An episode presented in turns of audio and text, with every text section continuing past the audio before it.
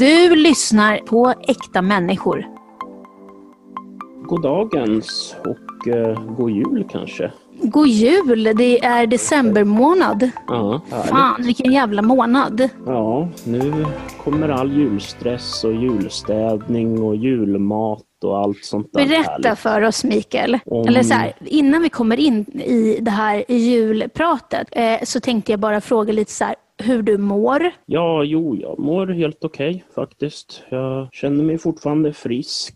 Nu när det har gått som det har gått med Corona så gör man inte så jättemycket. Jag umgås ju i princip med två personer nu där jag bor. Och, det, och det är ungefär det. Så, Ja, men då säger du typ så här, att man ska typ bara umgås med två pers eller vad fan var det? Mm. Var det inte så? Ja, men de närmaste säger de väl. Vad är det då? Nej, men det beror väl på hur man bor och sådär. Nej, de säger... Jag, jag tänker om man lever i en större familj så kanske man bara bör umgås med dem egentligen även om man bor i en mindre familj. Nu är jag lite slarvig eftersom jag faktiskt umgås med två, två vänner eh, utöver familjen. Men jag, Jag känner att man orkar ju inte liksom sitta och stirra upp i, på sprickorna i taket. eh. Heller, utan man måste ju ha det där sociala lite grann annars så blir man ju tokig. Ja, jag känner det också. Just nu den här månaden så håller jag mig rätt isolerad faktiskt. Just för att jag vill kunna fira jul. Mm.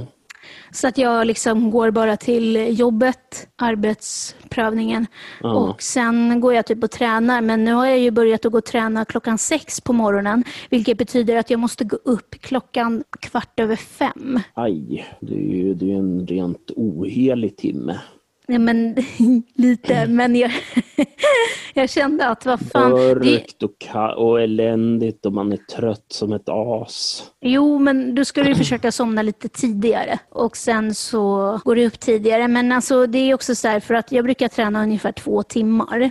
Mm. Och då är det en timme styrketräning och sen är det kondition. Men nu har jag liksom gjort så här att jag går upp och tränar på morgonen, konditionen. För den är mycket enk- alltså för mig är det mycket enklare att träna konditionen på morgonen än tvärtom. För jag prövade att göra styrketräning på morgonen, alltså så tidigt. Och jag kunde inte ens lyfta vikterna som jag Aj, normalt aj, aj. sett brukar göra. Så jag tror att jag, om jag inte minns fel, så är det så att det finns forskning på att styrketräning, eller man, man gör bättre ifrån sig på styrketräningen på eftermiddagarna än på förmiddagarna. finns det tydligen forskning på. Det var en som spelar elitvolleyboll som sa det till mig faktiskt, som jag känner till. Ja, oh. Som är en boendestödjare. Ja, det är jävligt coolt alltså. Det är jävligt coolt. Men eh, så det gör jag. Så då, då liksom har jag liksom delat upp träningen att tidigt som fan på morgonen och sen lite tidigare på eftermiddagarna innan folk börjar liksom komma och efter jobbet. Mm. Och Men- du mår bra också? Ja, Sisådär? sådär faktiskt om jag ska vara helt ärlig. Mm.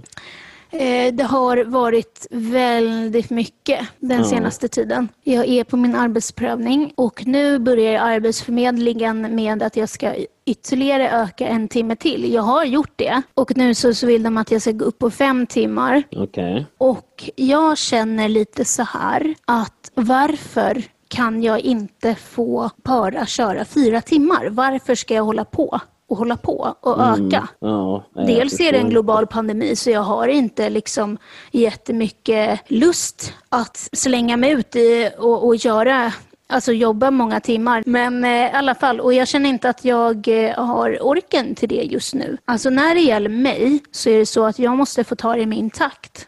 Och då kan det hålla i längden. Men de ser det bara kortsiktigt för att det ska se bra ut i deras papper och få ut mig på arbetsmarknaden. Det är, ju, det är ju så, vi lever ju i en enormt kortsiktig värld generellt sett med allt arbete, klimat, bostadspolitik, allt. Mm. Jag får bli lite politiskt men jag ska inte bli för politisk. Nej, och jag känner lite att det här är sjukt jobbigt. Och samtidigt när jag ska försöka komma ut i arbetslivet och så, eh, så är det så att boendestödet har börjat med att jag ska ta mer ansvar när det gäller min lägenhet. Och jag tar ansvar när det gäller min lägenhet. Men jag har ju boendestöd på grund av att jag har ADHD och tydligen en intellektuell funktionsnedsättning. Jag tycker dock inte att jag har så jättemycket intellektuell funktionsnedsättning. Den diagnosen fick jag liksom innan jag fick min ADHD-diagnos. Så jag vet Mhm. inte riktigt i alla fall. Och eh, då har jag ju boendestöd som jag sagt två gånger i veckan.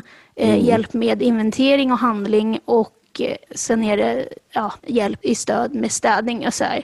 Mm. Och, det, och, och nu varannan vecka så handlar jag ju själv, Ja. vilket funkar väldigt bra.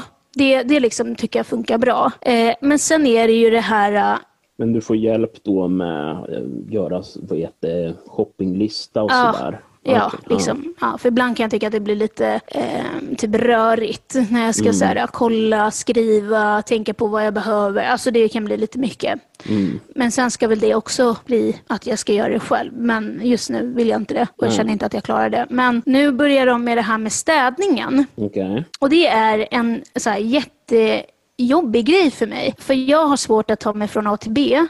Mm. Och eh, liksom det här med översikt och så. Och det blir jättejobbigt. Och nu så ska jag städa helt själv varannan vecka. Och jag tycker att det blir för mycket. Speciellt nu när jag är ute på arbetsprövningen. Och jag gick med på det och jag skulle testa och se hur det funkade. Och sen så tänkte jag, men det är väl bara att gå tillbaka då till, till det jag har haft som har funkat bra. Men eh, nu är det liksom så att de håller på att, nej men du ska göra utveckling i det också. Och då känner jag liksom så här, alltså hur fan har ni mage att sätta den pressen på mig att jag ska handla varannan vecka själv och städa varannan vecka. Alltså, och sen köra en liksom, eh, ja, arbetsprövning och försöka komma ut på arbetsmarknaden. Samt, samtidigt har vi en global pandemi som gör att man mår uselt utan att man tänker på det. Hur fan tänker de? Ja, nej, det känns ju som att det är precis allting samtidigt. Det känns ju som en jävla dåligt tillfälle att börja hålla på och härja just nu. Utan nu kanske man, det är bättre att man tar det lite lugnt faktiskt. Ja. Exakt, och jag har försökt att liksom förmedla det. Att jag mår inte bra över att behöva komma igång med städningen själv. Det är en av mina, det låter kanske konstigt för folk som inte har liksom någon funktionsnedsättning. Men jag har svårt med att komma igång. Det är nog bara också så för att det är oftast inte en grej man behöver göra. Det är ju flera moment liksom. Jo, jo, jo, jo, det är väl det där. Var, var ska man börja? Ska, Ja, man, och vart ska man sluta? ska man börja med dammet och sopa det under mattan? Eller ska man börja med att ställa sakerna i en fin ordning och så vidare och så vidare? Ja, eller hur? Ja, men det, det exakt. Och, och, och jag har liksom sagt att jag vill faktiskt eh, ha stöd i det här. Och då säger de ja, vi ska ta upp det på nästa möte som vi ska ha. Och sen så gör de det och så liksom eh, går veckorna och jag hör ingenting och eh, ibland kommer inte ens något boendestöd hem till mig.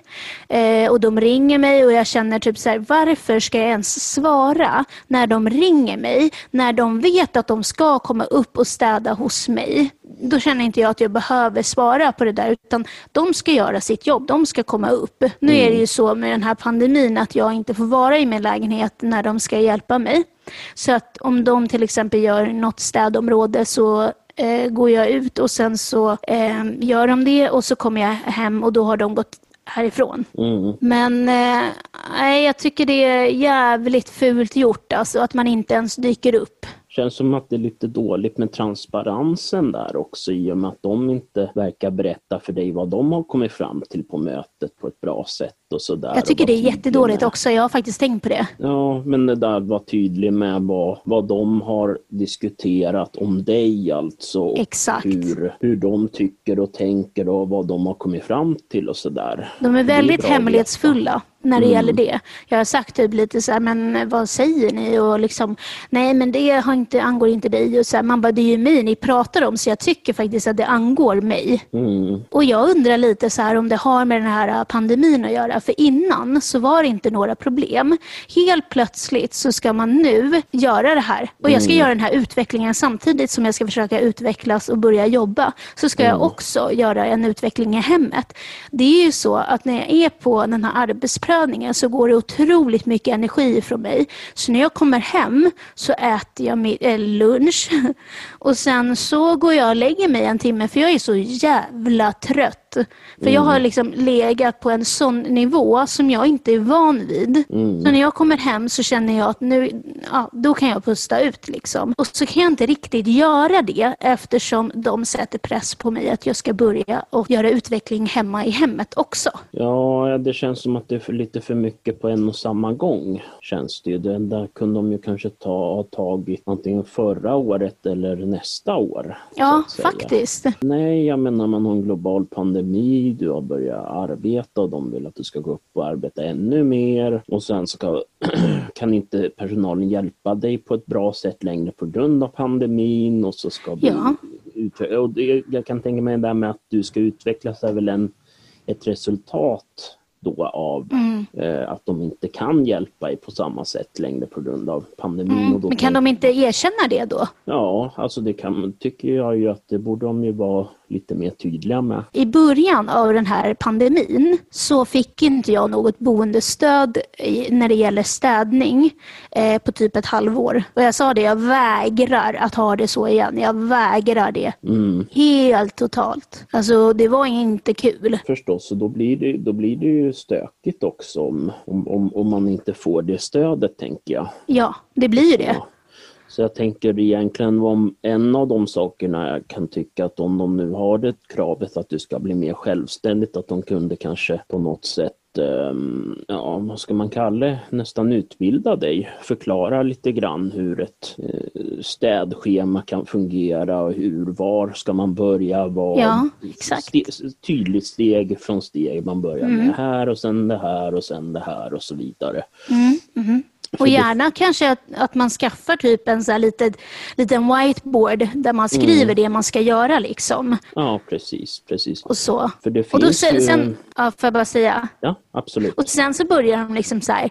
Ja, har du öppnat ditt fönster?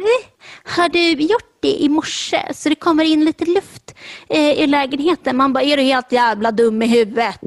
Nej, det är för fan klart att jag inte har gjort. ja, men förstår du? Liksom, Det är sådana här små basala saker som jag kan glömma bort ibland. Liksom. Men det är klart att jag vädrar. Men, men, men jag kanske inte gör det varje dag. Liksom. Jag tror ingen vädrar sin, sin lägenhet varje dag. Nej, nej, speciellt inte nu på vintern. Nej, och, och då är det liksom, ja, har du torkat av diskbänken? Nej, det har jag inte gjort. Men det brukar jag göra, men i vissa dagar så orkar man ju liksom inte. Man orkar inte ta tag i det, speciellt inte när man har varit och jobbat och sen gått och tränat och sen ska jag hålla på liksom och laga mat. Tror på riktigt att jag kommer orka stå där och göra rent varenda litet, liten fläck liksom på min jävla diskbänk. Det kommer inte hända. Nej, nej. Någon måtta får ju vara, men det finns ju sådana människor. Det är ganska intressant faktiskt det där med städning, hur olika folk kan vara. Det finns ju sådana här pedantiska ordningsmänniskor, alltså sådana människor som är helt odrägliga på alla sätt och vis, anser jag i alla fall, som inte är en sån människa. Men som de lagar mat och så när har tagit och hällt i decilitermått av någonting, då diskar de av decilitermåttet, stoppar det i diskmaskin och så och plockar undan allt och sen så när de är klara då, passar de på, då börjar de skrubba och skrubba och skrubba och härja och dona och sen äter de. Ja, jo De är precis. klar med allting och kö- köket blänker då först äter de så att maten hinner bli precis. lagom kall. Ja, men, men jag jag känner på något sätt att, att allting just nu går emot mig. Mm. Varför kan jag inte få vara som jag är? Eh, visst, jag kan utvecklas, absolut. Men då tar vi det här med jobb nu och sen så kan vi väl ta mitt hem i en annan liksom, period i mitt liv. Mm. Precis. För det blir för mycket att ta allting på en gång. Eh, och jag diskuterade också det här med min kära mor. Och eh, hon sa det att hela mitt liv så har jag fått kämpa med att folk ska förstå att du har faktiskt en funktionsnedsättning som gör att du har svårt med vissa grejer. Och eh, det syns inte på dig och det är det som är så jobbigt. Att folk tror att du klarar av mer än vad du gör. Mm. Eh, och därför är jag nu väldigt noga med att liksom säga det. Ja. Stå upp för mig själv. För nu har inte jag någon mamma som kan ställa upp, eller stå upp för mig hela tiden, utan det är någonting som jag får göra själv. Och det tar väldigt mycket kraft och energi från mig. Jo, det är klart. Det är jättejobbigt. Eh, för att, jag menar, jag kan prata och jag tror att det är ganska missvisande emellanåt. Precis, att, de, att folk tänker att ja men hon kan ju tala, hon jobbar ju och då, är hon ju, då, då kan hon ju allt annat också så bra och, och sådär. Att hon, de tänker om vi släpper taget här så kommer det funka jättebra. Då kommer hon direkt förstå hur, hur man ska göra och sådär. Och, det, det känns ju liksom så här som att Ja, vadå, vad vill ni? Vill ni liksom sparka ut mig på arbetsmarknaden? Vill ni att jag liksom inte ska behöva något boendestöd så jag kan liksom bo i en ah, vanlig lägenhet? Eller vad är det, som, vad är det, det handlar om? Ja, nej jag vet inte. Jag tror just det här med eh, städningen just nu, det är väl att du, Jag har begärt mer hjälp nu efter den här tiden av att inte få någon hjälp alls. Och då tänker de att då, ska, då är det nog bra om vi hjälper lite grann men att hon måste utvecklas och så vidare. Och så, det har väl direkt att göra med pandemin, att de inte Ja, kan men kan- hjälpa. Ja, men säg det då. Samma Men sätt. liksom, det är helt sjukt. Mm. Jag menar, om de är rädda för att liksom få typ corona för de tror att jag har det, Mm. så kanske de jobbar på fel jobb. Byt jobb. Ja, nej men det är ju, det är ju så. Eh, Att vara boendestödjare innebär ju mycket den sociala biten och sådär. Ja. att man har med människor att göra. Om det är så att, att man är orolig för eh, corona och sådär, då kanske man borde ha eh, skyddsutrustning i så fall. De har det. De har allt. De har visir, de har eh, munskydd, de har såna här dräkter. Men gå, ta på dig dem då för fan och gå Mm. in.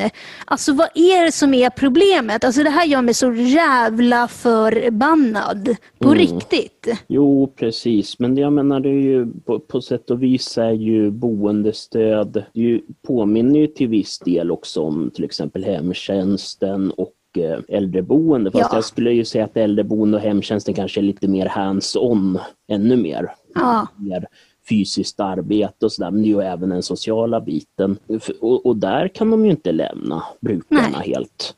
Det är ju sådär, ska Märta 96 år stå där och laga mat och städa och härja och dona, göra allting själv trots att hon är dement och ont i benen och ont lite här och var och Ja. sådär. Det funkar ju inte utan där måste ju, där får ju någon komma in och om det är så att det är en global pandemi då får de ju ha all tänkbar skyddsutrustning. Och om den inte är tillräcklig då får hon väl rekvirera från försvaret skyddsmask 90 ABC-dräkt och hela balletten. Ja, och det, jag känner ju lite så här att okej, men byt jobb då. Mm. Och liksom, eh, det här är inte rätt eh, jobb för dig om du ska gå runt och vara rädd. Liksom. Eh, Vi alla är väl rädda, men jag tycker också det är lite diskriminering. Jag menar, de är rädda för att, de ska eller för att vi ska smitta dem, men det kan likväl vara så att de smittar oss. Jo, precis. Men det är bara snack om att vi kan smitta dem. Liksom, vad är det för jävla Ja, sätt nej, att se det är oss på? ömsesidigt den där smittan. Jag menar, de har ju, även de har ju familjer och de har ju sysslor som måste göras. Även de handlar ju mat och, och så. Så jag menar, det, de kan ju inte undvika och, eh, helt och hållet smittrisken. En del De- kanske åker tåg till jobbet dessutom. Nej, Åka men där jag- klockan sju i rusningstrafik till, Ja. jobbet. Nej, men jag har ändå sagt, liksom, sagt nu vad jag vill. Eh, Det känns lite som att de gör som de vill. Eh, Vilket inte är okej alls överhuvudtaget. Mina behov, jag vet vad jag har för liksom, rättigheter och mina behov ska uppfyllas. Så är det bara. Eh, så nu har jag tagit kontakt med min gode man. Eh, det är ganska nice att ha en god man. Man behöver inte hålla på med räkningar och sådär utan man har någon som fixar det åt en. Det är ganska skönt faktiskt. Men också det här juridiska och det här med liksom, att föra min talan. Jag kan tala för mig själv men eh, i sådana här sammanhang så är det bra att man har någon som är utifrån som kan steppa in och ta fighten. Jo, precis, precis. Så nu så ska det bli andra bullar och om de inte lyssnar på henne då får jag gå vidare till eh, min kommun som eh, ger dem uppdrag helt enkelt och säga att de inte sköter det. Ja, precis. Eh, precis. Jag vill inte gå till min kommun på grund av olika anledningar men Mm. i det här fallet så har jag inget val och det kommer, det kommer bita dem i arslet faktiskt. Jag menar de gräver sin egna grav om man säger så. Kanske blir så att min kommun tänker typ att ah, men nu har vi ännu en liksom, anledning att flytta på henne och då f- får de en mindre boende här och då blir det mindre pengar till dem så vad väljer de liksom? Nej men det är ju så, vi lever ju under extrema eh, tider och förhållanden men det måste ju ändå, samhällsfunktionerna måste ju ändå hållas igång. Någon måste ju ändå ta och göra de jobben i samhället. Det är ju sådär. Absolut. Det kan man ju inte pausa. Det är ju som jag säger med Märta 96. Det är ju, om hon ramlar, det, någon måste ju hjälpa henne upp. Det är ju, Ja. det, någon, någon ordning måste ju vara Nej, det, det är synd att liksom, att, eh, det, det, ska bli så som det har blivit. Men, men eh, ja, som min mamma har sa till mig häromdagen att jag, Sabina, du klarar mycket men eh, det krävs inte mycket heller för att du ska gå in i väggen. Så Mm. eh, det kändes ändå ganska skönt att, att man fick eh, höra det för att eh, jag känner lite så att det är väl typ så det är. Dock ska jag inte dra alla, bo, alla boendestödjare över en kant men eh, det finns vissa personer som bestämmer helt enkelt. Ska vi gå vidare Mm. nu?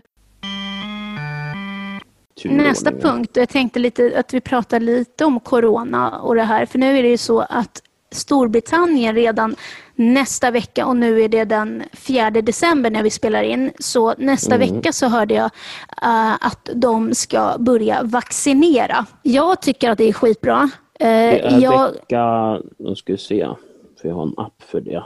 Det är vecka 49 nu, så det är vecka 50 som de kommer börja vaccinera. ja, eh, Som jag, räknar i veckor. Ja, precis. Jag tycker så här. Nu får liksom folk inte bli sura på mig för att vi har yttrandefrihet i detta land och jag tänker eh, mig att jag måste också få yttra mig. Som jag alltid gör. Nej men jag tycker, jag, jag och du har ju haft en liten fight Mikael, att vi har haft lite ol- olika åsikter kring vaccinet och så. Mm. Eh, jag kan ju säga så här att jag har gett upp den fighten och jag säger så här att jag kommer nog ta, ta det här vaccinet. Vad härligt att höra. Eh, ja, då blir du glad va? Mm. Eh, nej, men jag känner lite så att vi alla kanske måste dra ett strå till stack, eh, stacken. Liksom. Mm. Och att eh, den här pandemin kommer inte sluta eh, förrän alla tar det. Ja, eller pandemin kommer ju alltid att sluta förr eller senare. Problemet är ju att man... Det kommer ta längre tid. Mycket längre tid, så det är bättre om man kan stoppa den i förtid innan allt för jävla mycket folk blir sjuka och dör. Ja, precis. Och eh, jag kan säga så här, när jag har tagit det här vaccinet så kommer jag inte stå och tvätta mina händer i 30 fucking sekunder. För Mikael, du kan ju berätta hur det är när man kommer hem till mig på sommaren, nu den här sommaren. Hur var det när, du, när, när ni kom hem till mig? Ja, det var ju, vi kan ju informera framtida lyssnare om att det var ju en svacka i smittspridningen då, att man faktiskt kunde hitta på lite mer saker än som det ser ut nu. Så, så då var jag ju hemma hos Sabina och det var ju ett jävla ståhej och tvätta hit och tvätta dit och så hade någon konstig handsprit på eh, sprayflaska som det höll på Den är bäst. överallt. Ehm, och så där, jag använder ju min egna hellre för jag tycker den luktar mindre äckligt än den Och det där var i 30 sekunder som ni skulle stå. Jag stod fan och räknade bakom er. Jo, precis. Det var lite störigt. Det finns ju någon sån där, eh, vad ska man kalla det, meme eller vad man nu ska kalla eller säga. Som Går Regel? runt på, nej, men som går runt på nätet just hur man ska göra för att tvätta händerna i exakt. Ja, inte bara på nätet, det finns ju överallt. Jo, men att man ska sjunga en sång samtidigt då. Ja, men den har jag inte hört. Men att det här är 30 sekunder och liksom, eller 25-20 Mm. sekunder.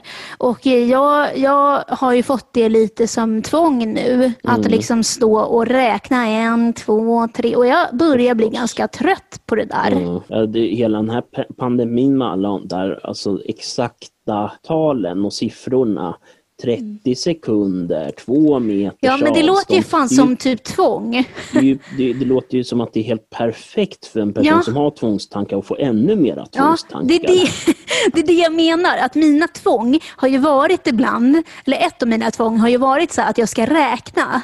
Mm, Och det har varit så här typ till ja, men, olika, olika siffror, det som känns bra, liksom, det ska jag landa på och där slutar jag liksom, eh, att eh, nudda eller ta på den här grejen då, då förut. Eh, och liksom, det känns så jävla irriterande för nu kommer en fucking ritual där du ska stå i 30 sekunder ska du stå och räkna eh, när du tvättar dina händer. Och jag liksom känner, nu har jag blivit av med det här jävla tvånget. Ska jag få tillbaka det nu? Ska jag få tillbaka det nu? Du ser det överallt. Jag ser det liksom när jag är på gymmet. Här ska du tvätta dina händer i 30 sekunder. Här ska du tvätta dina händer i 30 sekunder. Jag bara, äh, men nu får de för fan lägga av. nej, det är Tack. ju mycket, mycket sånt där. Och sen eh, max åtta personer. Förut så var det max 50 Ja. personer och sen så var det en liten period det var max 500 personer men den tog de ju bort väldigt fort. Ja, Mm, Så det är mycket sån där eh, väldigt exakt. Eh, om, om det råkar vara eh, nio personer då går det inte för sig. Nej, men precis. Jag har en kompis som har väldigt mycket tvång. Mm. Eh, eller hen hade ju liksom väldigt mycket, eller har, jag vet inte hur det är nu för jag har inte så mycket kontakt med personen. Men eh, liksom att eh, där, kring hygien och sånt. Och eh, personen tvättade ju händerna väldigt ofta. Liksom. Och jag undrar hur den personen mår nu. Ja, nej men det där har väl säkert bara eskalerat på grund Ja. av corona. Alla sådana där, vad ska man säga, germofober heter väl personer som är, har Mm. fobi för bakterier helt enkelt. Okej. De, eh, de måste ju vara extra hysteriska nu tänker jag. Fy fan. Och du vet, det börjar klia på knogarna och man får såna jävla fan utslag, röda prickar där det är torrt.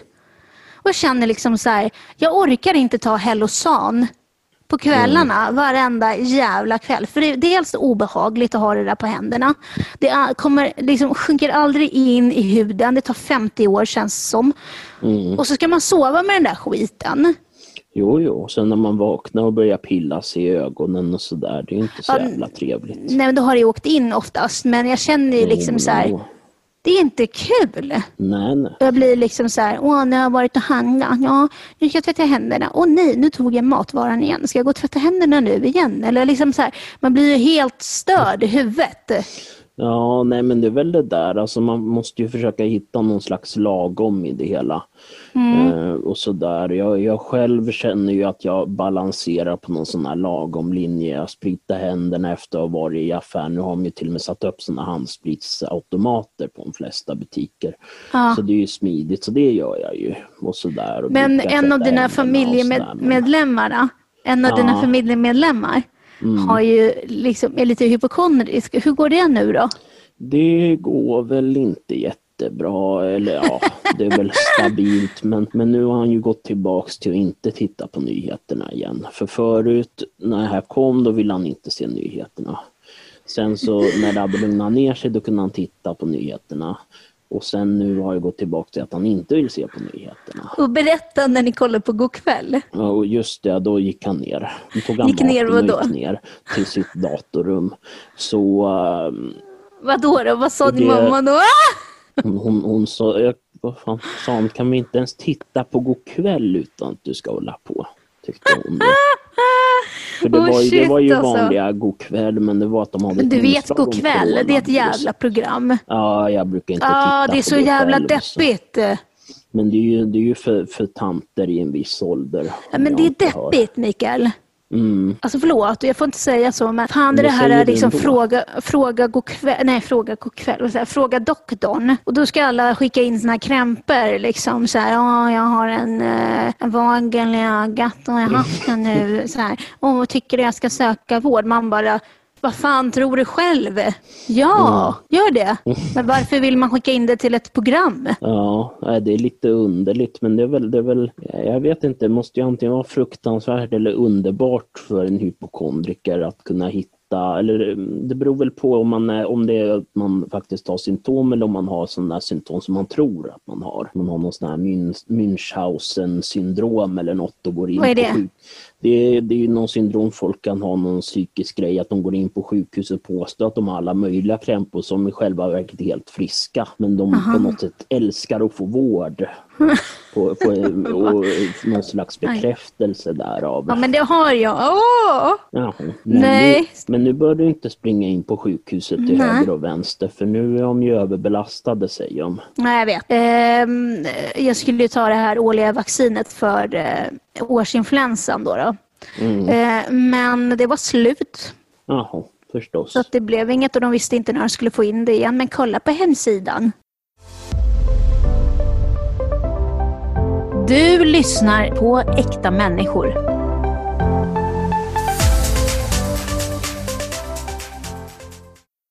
Men Mikael, Mm. från det ena till det andra. Julmånad, det nalkas jul. Ja, vad härligt. Är det något som du tycker är kul eller? Ja, alltså det finns väl förstås både positiva och negativa sidor. Jag är ju en sån här person som faktiskt eh, gillar julmaten. Det finns ju de som tycker julmat är jätteäckligt och oh, det är inga grönsaker. Men det är ju det bästa jag vet att det inte är någon grönsaker för då blir jag jävligt glad. Och att det består av typ 99% väldigt fettigt fläsk. Mm, Då- uh, men usch, nu fick jag typ liksom att jag det är ju kände så, det är doften.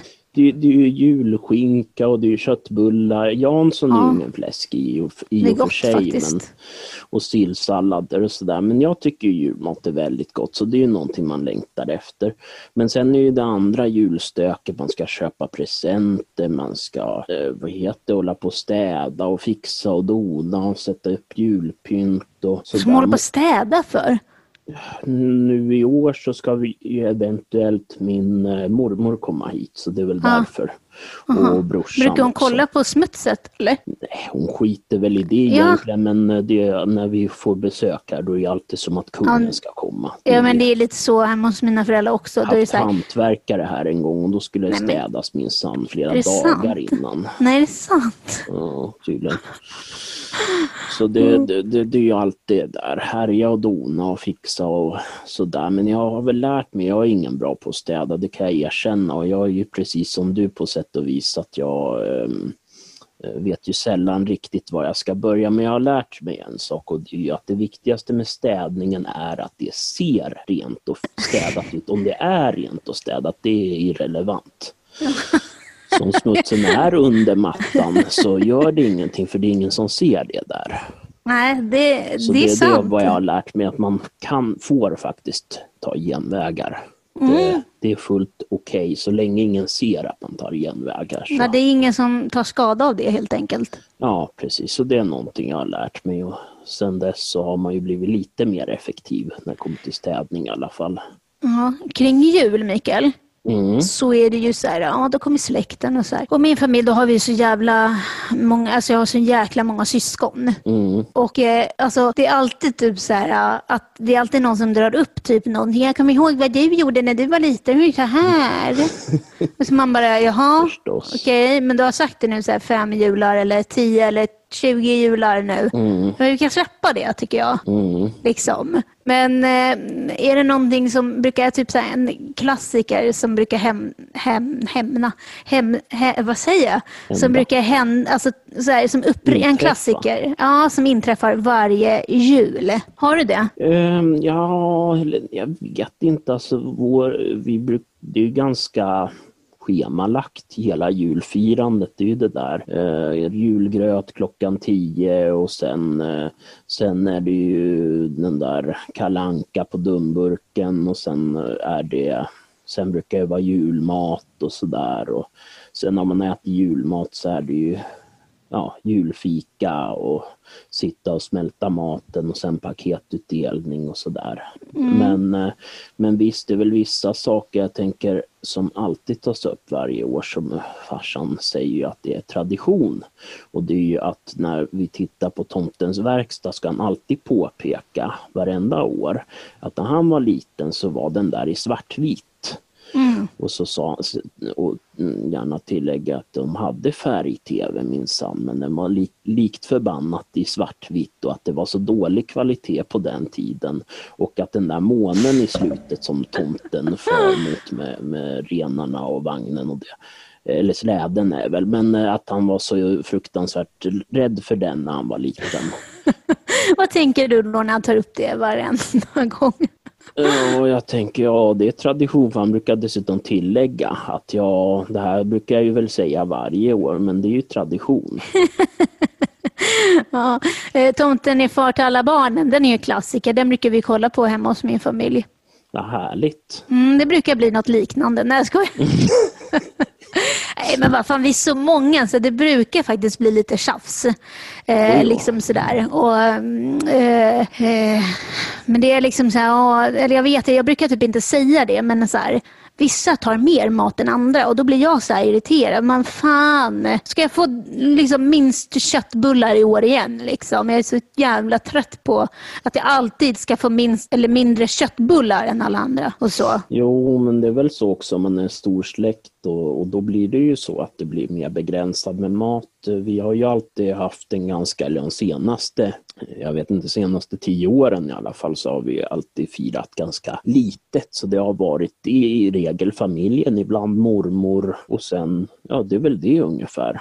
Mm. Så då har vi då är ju totalt motsatsen, då har vi en gigantisk mängd julmat och väldigt få personer, så då äter ju alla, alla sig rent fördärvade istället. Men jag tycker att man äter så tidigt. Vi brukar typ äta mellan två och tre mm. tror jag är något sånt där. Det beror på. Och, och, men det är så här, alltid så blir man fan så jävla hungrig på kvällen. Alltid blir jag jättehungrig på kvällen för att mm. man har ätit så jävla tidigt. För det är inte mm. så att man står och lagar en jävla middag liksom klockan fem igen. Nej, nej. Om, om det är så många kanske inte finns så mycket julmat kvar. Nej, precis. Nej, då blir det knepigt. Det är ju lite underligt hela julgrejen, att man, eller julafton, att man äter så tidigt. Det är ju inget man gör i normala fall, men det finns ju det finns ju, vissa familjer har ju det som en grej, att man äter väldigt tidigt och det är ju något mm. som från äldre tider vad jag har förstått. Aha. Så. Men då är ju problemet just det där att man blir så hungrig framåt kvällen så skulle man, då behöver man ju i princip en, eh, ett nattmål också eller kvällsmål. Ja, ja absolut. Ja, men det brukar finnas alltid så här mackor och, term, mackor och ost och det finns ju alltid mat men det är ingen mm. som orkar laga ny mat liksom. Nej precis för då har man ju stått, då har ju alla stått och lagat mat i två dagar innan i princip. Mm. Mm. Vi brukar faktiskt göra det typ samma dag men vi alla ja. brukar hjälpas åt eftersom vi är så många. Okay. Men det är ändå mycket mat. Mycket saker som ska in i ugnen tänker jag. Ja, fy fan. och där får man ju plats med kanske bara två saker och sen är det ju att de ska kanske ja, på olika sjukt. värme dessutom så då blir ja. det knepigt på det sättet. Ja. Man har Jansson och man har skinka och båda och ena ska gå på 200 grader och den andra ska gå på 150 grader och så blir det, mm, vilken ska vi köra först? Så det är ju knepigt. Vi brukar ju alltid förbereda dagen innan med julskinka och sådär och revbensspjäll och eh, Jansson tror jag. Oh, nice. Så, så vi brukar vara lite förberedda men sen är väl vissa rätter man gör på julafton också. Förstås. Men eh, ja, Nej, men, eh, så, sen brukar jag alltid tycka att det finns någon liten så här, ångestkänsla under julen. Mm. Eh, det är inte så att man mår dåligt för att det är jul, men det känns som att det är så här, men du vet, man ska alltid vara så glad och du vet det här, mm. åh, nu ska vi ta foto, ska vi lägga upp det och, och alla måste bra en god jul och så här. Och känner man liksom så här, jag känner alltid att jag har en sån fet jävla ångest när allting är typ slut på kvällen. Jo, men det är väl det där också man ska fira. Jag tänker, för det känner jag väl lite grann igen från när vi hade de stora julaftonen. För det var ju som min mormor hade ju en ehm, villa förut som var tämligen stor och det var ju bara hon som bodde där eftersom farfar hade ju gått och dött några år tidigare. Men då var ju hela släkten som skulle komma dit och fira. Så då var det ett sällskap satt i fira, finrummet, ett i vardagsrummet och ett i köket. Mm. det var ju folk överallt. Min faster skulle ha med, eller vad säger min fast, min eh, moster skulle ha med sin hund som åt upp köttbullarna. Det var barn överallt och tomten mm. skulle komma och det var väldigt mycket ståhej så att säga.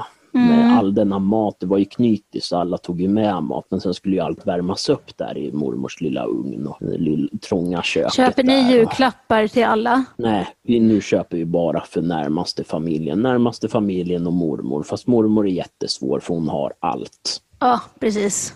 Så. Vi brukar inte köpa någonting faktiskt. Vi brukar äta en stor julmiddag och sen får det vara bra faktiskt. Men okej, eh, de som vill får väl köpa till eh, mina syskonbarn. Eh, Jag känner inte att, eller jo, jag skulle väl kunna göra det, men jag känner väl att så här, nej, jag orkar inte. Alltså jag har typ eh, åtta, sju syskonbarn, liksom. men känner Jo, inte att jag liksom orkar. De är, de är små allihopa. Ja, det är lite Alltså, de, är blandat. inte, de är inte tonåringar. Nej, men snart så. Snart så, men det är fortfarande leksaksbilar och datorspel och lite Ja, sådär jo, men lite så. Ja. Den i år så kommer man ju nog inte kunna fira med alla, så att, ehm, det blir liksom lite som det blir helt enkelt. Ja, precis. Man får ju försöka göra det bästa av situationen. Ja, Det är ju det där och folk, eh, många är ju besvikna att de inte kan ha det där stora julfirandet. En del har ju till och med att de har som någon slags julturné, att de ska fira, börja flera dagar innan julafton, sen fira med alla släktingar i hela landet i princip. Från Skåne till Norrland. Nej men ungefär, vissa släkter är ju väldigt utspridda ja precis. över landet och då ska man ju fira hos morföräldrarna ena dagen och sen farföräldrarna andra dagen och sen kusinerna därefter och så vidare och så vidare. Och nu blir det i år blir det väl att alla mer eller mindre får hålla ett julfirande Ja, det och göra det räcker. bästa Man behöver det inte hålla på. Mm, precis. Det räcker att ha ett julfirande. Ska man hålla på och ha flera? Nej, man behöver inte Man får välja. till det.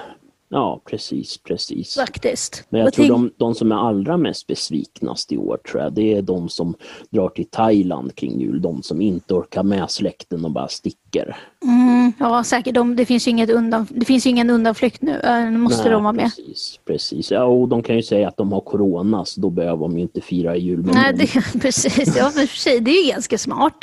Du, Mikael. Ja. Eh, vi skulle ju liksom säga saker vi irriterar oss på Mm, med varandra. ja. Och vad irriterar du dig på? Eh, en sak som jag kom på nu som jag faktiskt skrev, skrev upp det är ju det där med tid ibland för det är ju ganska, det är väldigt vanligt att man ska träffa dig någonstans i regel i huvudstaden eh, och så säger du ja men jag kommer om fem minuter. Och fem minuter för dig, det är kanske en tio minuter eller en kvart i riktiga minuter. För jag är en sån där, jag har exakt tidhållning. Jag, Tänkte du på det Jag- jag nu blir när jag blev blir- sen på att eh, spela in här? eh, jo, jag kom att tänka på det just då. Ja, jag förstod För det. du, men jag hade det i åtanke också för du sa fem minuter och då visste jag okej, men om ungefär en kvart så Okej, bra.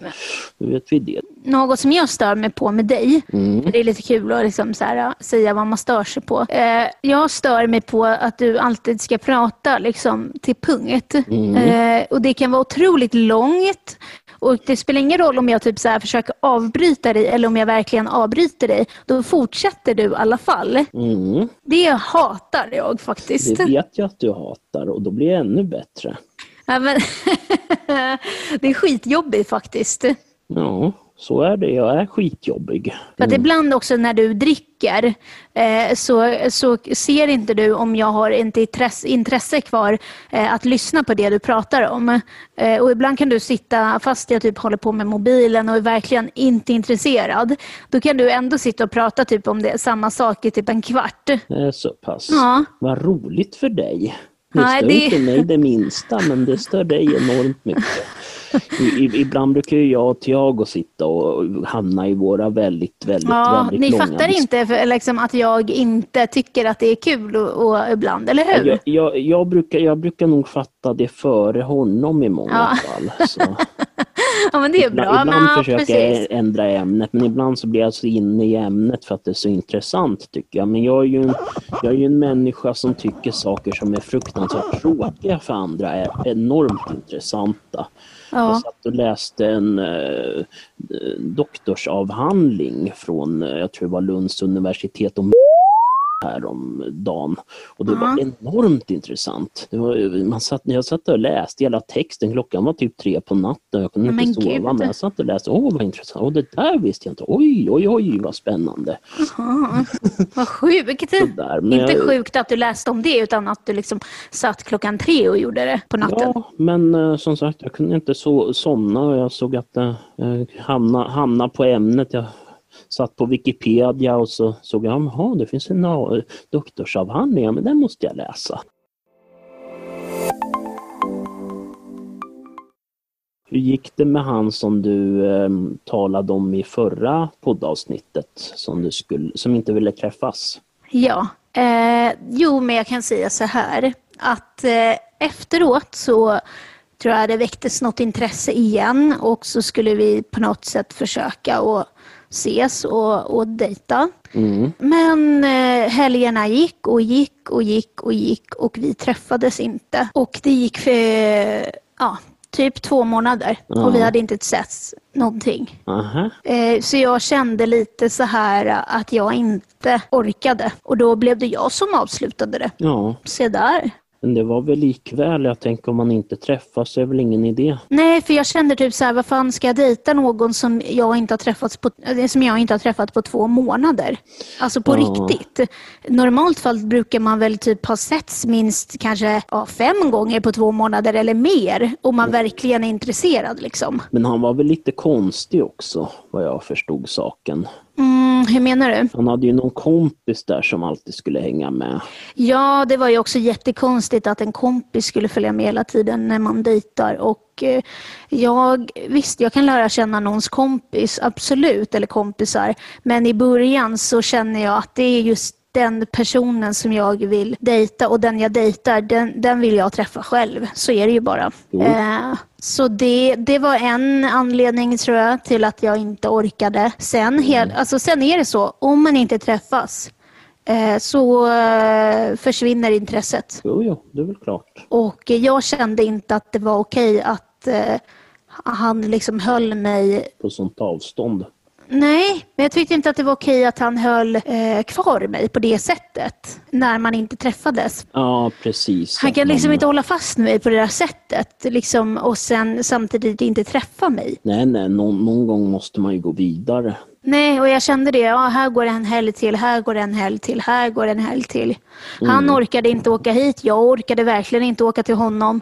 Eh, vi bodde för långt och eh, egentligen så var det ju väl att eh, själva kommunikationerna däremellan eh, oss inte funkade. Eh, Ja, de var väl ganska obefintliga rent av.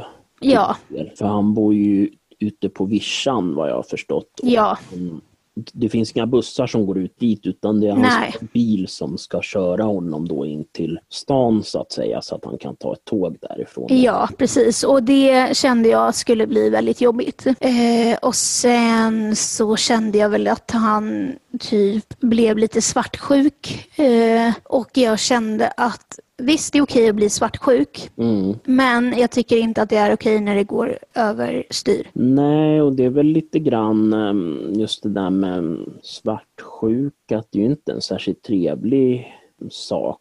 Alltså det är inte det man kanske vill ha, en mm, pojkvän som är svartsjuk och sådär Nej. hela tiden. För jag menar det blir, kan ju vara väldigt jobbigt. Äh, vad gör du ikväll och vad gör du nu? Ja, vem ska du träffa och, och ska du på dejt? Och man bara liksom så här, men hallå, jag har inga förpliktelser till att säga till dig vem jag ska träffa och eh, liksom vi är inte tillsammans. Jag behöver inte berätta för dig liksom Nej. vad jag ska göra. Jag menar, om jag vill träffa någon, då gör jag det.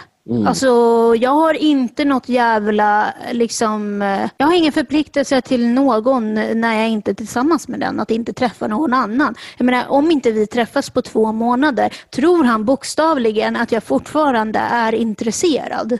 Alltså, det, det är såklart att man tappar intresse. Det- Har du träffat någon annan? Nej, nej jag Ingen vet på inte. gång just nu. Va? Ingen på gång just nu. Nu, har ju vi, nu pratar inte jag och den här gamla dejten, så att eh, jag behöver inte känna någon, eh, jag behöver inte känna någon, eh, vad heter det, Skuld. skuld gentemot honom. Men eh, om jag har någon nu, som jag pratar med nu, eh, Eh, ja, kanske det. Nej, men jag, jag har väl på något sätt gått vidare eh, ifrån det där och eh, känner att jag skulle vilja träffa någon som har tid för mig. Och eh, jag har börjat prata med andra, ja. Okej, vad trevligt. Mm, men jag tycker, vad fan, jag menar, men det Ja, gick ja. åt helvete. alltså jag, jag, visst, det kanske låter lite hemskt liksom, att jag har gått vidare, men eh, jag tycker att den här som jag var på dejt med, jag tycker att han var jättetrevlig och jättesnäll. Men om jag får vara helt ärlig så känner jag väl bara att jag eh, vill vara fri lite Mm. och göra lite som jag vill. Ja, och han kanske inte var så intressant heller. Nej. Och han var väl inte så jätteintresserad av mig heller eftersom inte vi träffades på två månader. Men det, är liksom, Mm, det, det, det är väl från båda håll. Nej, men det är väl skönt att gå vidare och inte känna sig bunden. Nej, precis. Det var nog det att jag, jag kände mig bunden till någon som jag inte ens var tillsammans med. Mm. Och som jag inte ens träffade. Det kändes jättejobbigt. Precis, men det är väl så. Det är väl också så när man är i ett förhållande, då känner man sig lite bunden också. Det är ju... Jo, men det är väl okej om man typ är helt eh, äl- alltså förälskad och kär Jo, och älskar den här inte- personen. Men vad fan. är det, så Ja, om man inte är det kan kanske man borde göra slut. Samtidigt så känner man ju sig bekväm och så vidare, så det är ju det där. Förstås. Ja, ja, du menar så. så, så, så Jag skulle aldrig kunna göra det. Nej, men det var väl lite så mitt förra var en period där. Ja. Ja, Men det var mycket till och från. Hur där. menar du? Nej, jag tänker mitt förra förhållande så var ju inte så mycket kärlek direkt utan det var ju mer en rent praktisk historia. Ehm, och så, vi träffades ju då på gymnasiet sista året och blev ihop för att, ja, det är det man gör när man går sista året på gymnasiet. Okej, ja. Nej, men jag vet inte. Alltså, fan det här med att vara för, i ett förhållande. Jag känner typ att jag skulle jättegärna vilja vara i ett förhållande. Samtidigt så känner jag fan vad man går miste om eh, andra. Mm. Jo, Det kanske, man, är jag vet inte. Det är Mm. så man, man, eh, man eh, tittar väl och ser att det kan finnas grönare gräs på andra sidan så att säga. Ja. ja. Och nu till veckans händelser. Eh, och det står så här, isolering av barn och unga på statliga ungdomshem ökar ständigt och har nästan fördubblats på tre år, avslöjar en ny undersökning. Framförallt yngre tjejer utsätts för isolering. Det är vanvård som i nio av tio fall kan undvikas, säger Isabelle som eh, var 13 år första gången hon hamnade i tvångsvård. Nej, men det handlar om att um, unga, för tydligen de där eh, SIS-hemmen där buntar de väl ihop både eh, ungdomar som eh, mår psykiskt dåligt med ungdomar som har begått brott. Ehm, så, och de har inte någon eh, undre gräns för ålder heller. Så en, den yngsta som har blivit tvångsisolerad var eh, åtta år. Helt enkelt så... stod- och- och- och personalen på dem har ju i vissa fall så är de väldigt auktoritära och använder det som någon slags bestraffning. Vilket då? Eh, eh, vad heter tvångsisolering. och det är att de gud. helt enkelt stoppar dem i en isoleringscell. Det är ett litet, litet men rum gud. utan fönster med madrass på golvet. Men princip. vad ska man gjort för att hamna där om man är åtta år? Ja, det är frågan faktiskt. Ja. Det, det, det, det är frågan. Det är tydligen både barn och eh, ungdomar som har missbruksproblematik som har Oj. Kan man ha det när man är åtta år? Det är frågan. Det är väl om man har växt upp i en familj som eh, brukar narkotika. Att det. man har fått det via modersmjölken och sen blivit beroende och så ehm, tagit tabletter som ens föräldrar har tillgängliga i hemmet och så vidare. Apropå nyheter. Mm. Ja, en nyhet.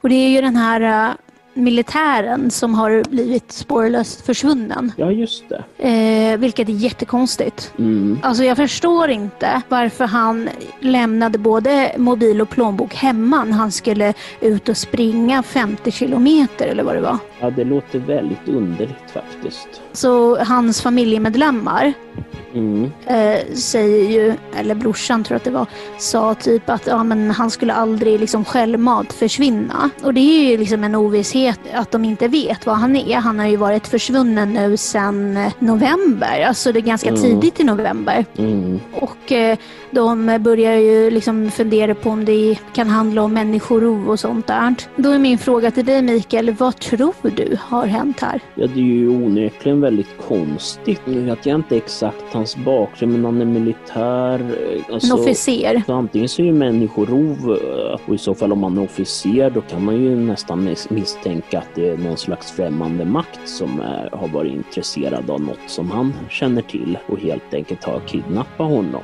och fört bort Tror honom du? någonstans. Antingen det, eller så, eller om det är så att han har lidit, lider av någon slags allvarlig psykisk ohälsa och sprungit iväg och, och, och, och dött eller sprungit iväg och tagit livet av sig. Det, det vet man ju inte. Jag tänker om han är militär och har varit Ja. i en stridszon vid något tillfälle. Alltså jag vet inte riktigt det, om han har varit liksom utomlands och så. Ja, Jag tänker om han är officer och svensk, för vi hade ju svenska militärer i Afghanistan för ett antal år sedan. Mhm. Nu är väl de i regel hemkomna, tror jag. Han kanske var där förresten, jag vet inte. Mm. För, för i så fall så kan han ju ha varit i strid, absolut. Eh, han kan ju förstås ha varit i Afghanistan men inte ha sett strid heller för den delen. Mm, Det, mm. allting beror ju på omständigheter och sådär. Eh, För nu, nu har ju liksom eh, polisen samarbete med Missing People mm, och flera myndigheter för att hitta Dennis Arda, eller hur Mm. man uttalar det. Nu berättar även försvaret om sitt sökande, så det är ju jättemånga som söker just nu efter honom. mm, Eh, och de skulle leta i Nackareservatet, men också Sörmlandsleden. mm. Ehm, jag har ju för, för Sörmlandsleden går ju här. Ja. Jag, först, jag har liksom så här tänkt, ska man gå ut och leta och sådär? Men alltså det är svårt att bara gå ut och leta liksom. Nej, och det, man, det lär väl inte vara så eh, troligt att man hittar honom heller om man springer runt på måfå sådär. Men jag tänker, alltså min teori, om jag får leka lite, Kriminalutredare. Ja. Eh, så kan jag tänka mig att han kanske skulle typ kissa och sen att Mm. han har ramlat i vattnet. Alltså jag tror att han, alltså jag vet inte men det känns ju som att han skulle kunna ha ramlat i vattnet. Jo, om man har gjort det när det är så här kallt så är risken stor att han därefter har antingen förfrysit sig eller drunknat eh, och så. Och då, då återstår det ju snarare att försöka hitta ett lik snarare än något annat. Det är ju liksom otroligt eh, läskigt och sorgligt också att någon bara försvinner helt plötsligt utan anledning. Jo, det är ju väldigt märkligt. I det här fallet var jag, jag tänker om han är militär däremot om han har försvunnit och han fortfarande är vid liv så, så har han ju fått en eh, ganska god överlevnadsutbildning. Mm. Hur, man klarar sig i naturen och sådär och hur man hittar vatten och hur man fixar mat och så vidare. Ja, så om han lever så lär han väl leva så att säga. Jo, Eller precis. kunna leva ett tag till. Han men- kanske liksom känner att han inte orkar och, och springa hem. Mm. Så kan det ju vara för han har ju ingen plånbok med sig och förmodligen inget busskort eller någonting. Så att Mm. han kanske inte orkar springa hem, kan ha gjort det illa sig. Mm, Eh. Ja, alltså det finns ju många olika faktorer varför han Mm. inte har kommit hem. Men det var ju att han skulle liksom eh, åka till ah, den här, det var någonting han skulle jobba och sen hade han inte dykt upp. Jo, och det är ju, det är ju märkligt hela grejen. Ja, det är jättemärkligt. Så det, men det är ju verkligen frågan om de kommer hitta honom eller inte. Det är det som är så läskigt för att jag tror att det jobbigaste är nog att liksom inte få veta. Precis, precis. Som sagt, om det är så att det rör sig om människorov däremot, då vet man ju inte om man kommer hitta honom levande. Men vem fan, han hade ju inget otalt med någon. Nej, men han var officer och officerer har ju, de känner ju till vissa saker som inte är till för allmän eh, konsumtion så att säga. Okej. De vet var olika mobbförråd ligger, de vet olika säkerhetsrutiner på regementen, de vet andra militära hemligheter som främmande makt kan finna enormt intressant. Antingen främmande makt eller terrororganisationer som... Men hur skulle de liksom att- veta vart han var? Ja, som han har varit någorlunda offentlig, alltså att det finns, att han finns ja, på nätet, att det någonstans står att han har varit i tidningen och uttalat sig om något i sitt yrkesroll till exempel. Då vet de ju att den här personen är officer och han heter det här. Och därefter går det ju att kolla upp människor, var de bor och så vidare. Och, ehm, och så han lär ju inte ha levt under någon sån här skyddad identitet för det brukar väl inte vanliga officerer göra utan det är väl mer folk som är väldigt, väldigt eh, högprioriterade i försvars och underrättelseorganisationen. Vi får ju hoppas att han eh, liksom hittas vid liv. Mm. Eh, men det har ju liksom gått väldigt långt, eller väldigt lång tid nu och det har nästan gått en månad. Så att alltså, det känns ju som att det är lite... Mm. Om det har gått en månad så, så ska man ju inte vara alltför hoppfull dessvärre. För det är så länge, det är ju svårt att klara sig så länge även om man har en överlevnadsutbildning så eh, Just problemet är ju framförallt nu är ju kylan och att försöka att hitta mat och göra upp eld och sådär. All, allt trä ute i skogen är ju blött till exempel. Är det svårt Ja. att göra upp eld och det är ju inte längre säsong för eh, bär, kanske säsong för svamp men då måste man ju veta vad, vilka svampar som man kan äta och vilka man inte. Och det, jag vet inte hur det är om, om han känner till det, om det ingår i den uh, utbildningen. Jag antar det möjligtvis men det kanske inte är så mycket ätbara svampar ute längre. Jag vet inte om det finns andra fall i Sverige då någon har bara försvunnit utan att man vet någonting och att de inte har hittat den personen liksom. Nej, jag vet inte. Alltså, det finns säkert liknande fall men, men, eh, men jag känner inte till någonting sådant. Vi får hålla oss uppdaterade helt enkelt Mm, och se precis, vad som händer. precis. Eh, Men det är ju fint att det är så många som går ut och, och letar efter honom. Ja, det brukar vara stor uppslutning kring sådana här saker. Mm. Och, det, Mm. och det, det känns ju bra ändå att folk eh, tar den tiden och faktiskt försöker att göra någonting bra i en sån situation. Nej men eh, god... God Nej jul. men vänta. Ett, två, tre. God... God- Nej men Midel! Ja, det- Midel! Jag säger ju när, jag, när du vill. Nej det gör inte det. Nej, men då God är det jul och gott... fördröjning i så fall. Nej det är inte det för nu när du pratar är det inte fördröjning. Ja, men det kanske är någon millisekunds fördröjning eller något sånt där. Nej, det är inte att det. Ja, ja, vi försöker en gång till. Om det inte funkar så skiter vi i det. Eh, Då säger jag det själv då, eller? Ett, två, tre. God, jul och gott, nytt år. Nej men nej! Ja, men då så, då funkar det inte. Men då, Nej, då säger jag då. Ja. Nu vill vi här på podden Äkta människor. Vad fan heter det? God jul säger man eller? Önska er alla en god jul. Okej, och vänta, vänta. gott vänta.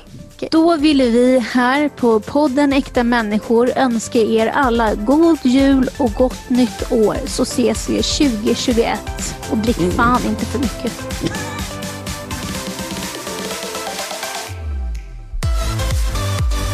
Du har lyssnat på Äkta människor.